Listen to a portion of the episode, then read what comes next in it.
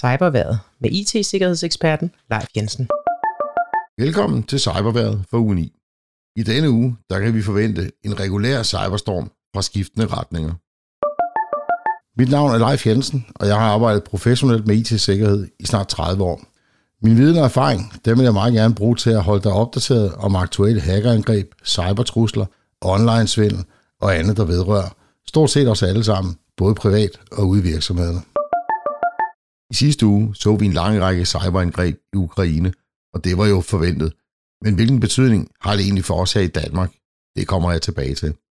I løbet af ugen så vi en række DDoS-angreb, som var målrettet såvel banker som myndigheder i Ukraine.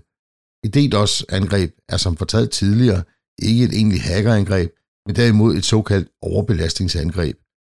Angrebet betød helt konkret, at flere banker havde problemer med deres hæveautomater, så folk de ikke kunne hæve kontanter.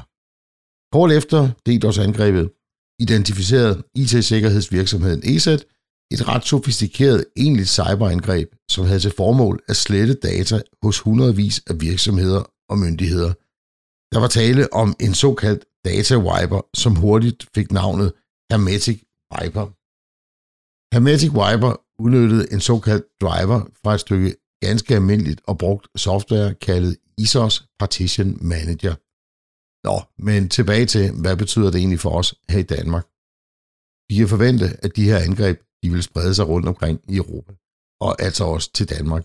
I nogle tilfælde vil de være målrettet, men i de fleste tilfælde ganske enkelt, fordi dem, der laver den slags angreb, ikke har de store moralske skrubler, og derfor så gør de ikke særlig meget ud af at begrænse skaderne til omfang ved sådan et angreb. Det er også forventeligt, at helt almindelige IT-kriminelle, som tjener rigtig mange penge på blandt andet ransomware-angreb, vil bruge konflikten i Ukraine som en slags røgslør, og dermed have lettere ved at gennemføre deres helt almindelige angreb. Vi bør alle være i højt cyberalarmberedskab i den kommende tid. På trods af krisen i Ukraine, så er der stadigvæk fuld gang i de mere almindelige cyberangreb og svindelnumre, også her hjemme i Danmark.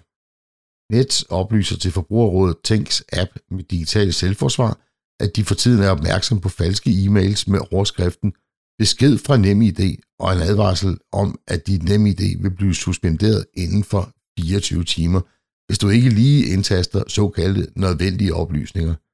Det skal du selvfølgelig ikke gøre. Det eneste du skal gøre, det er at trykke slet mail.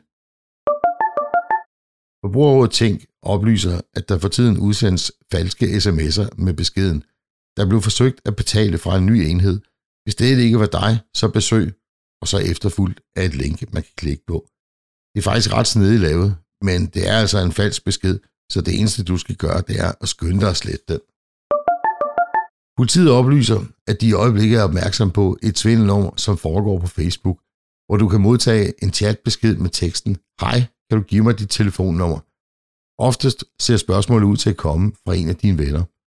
Ifølge politiet, så er dette ofte et tegn på, at din vens Facebook-konto er blevet hacket, blandt andet med det formål at indsamle data samt at finde en vej til at få adgang til NemID login-oplysninger. Modtager du sådan en besked, så lad være med at svare på den.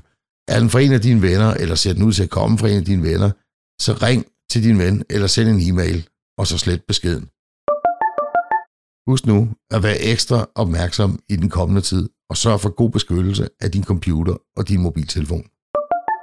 Det var cyberværet for denne gang. Vi er tilbage igen med en ny cyberværetudsigt igen næste uge. Tusind tak, fordi du lyttede med.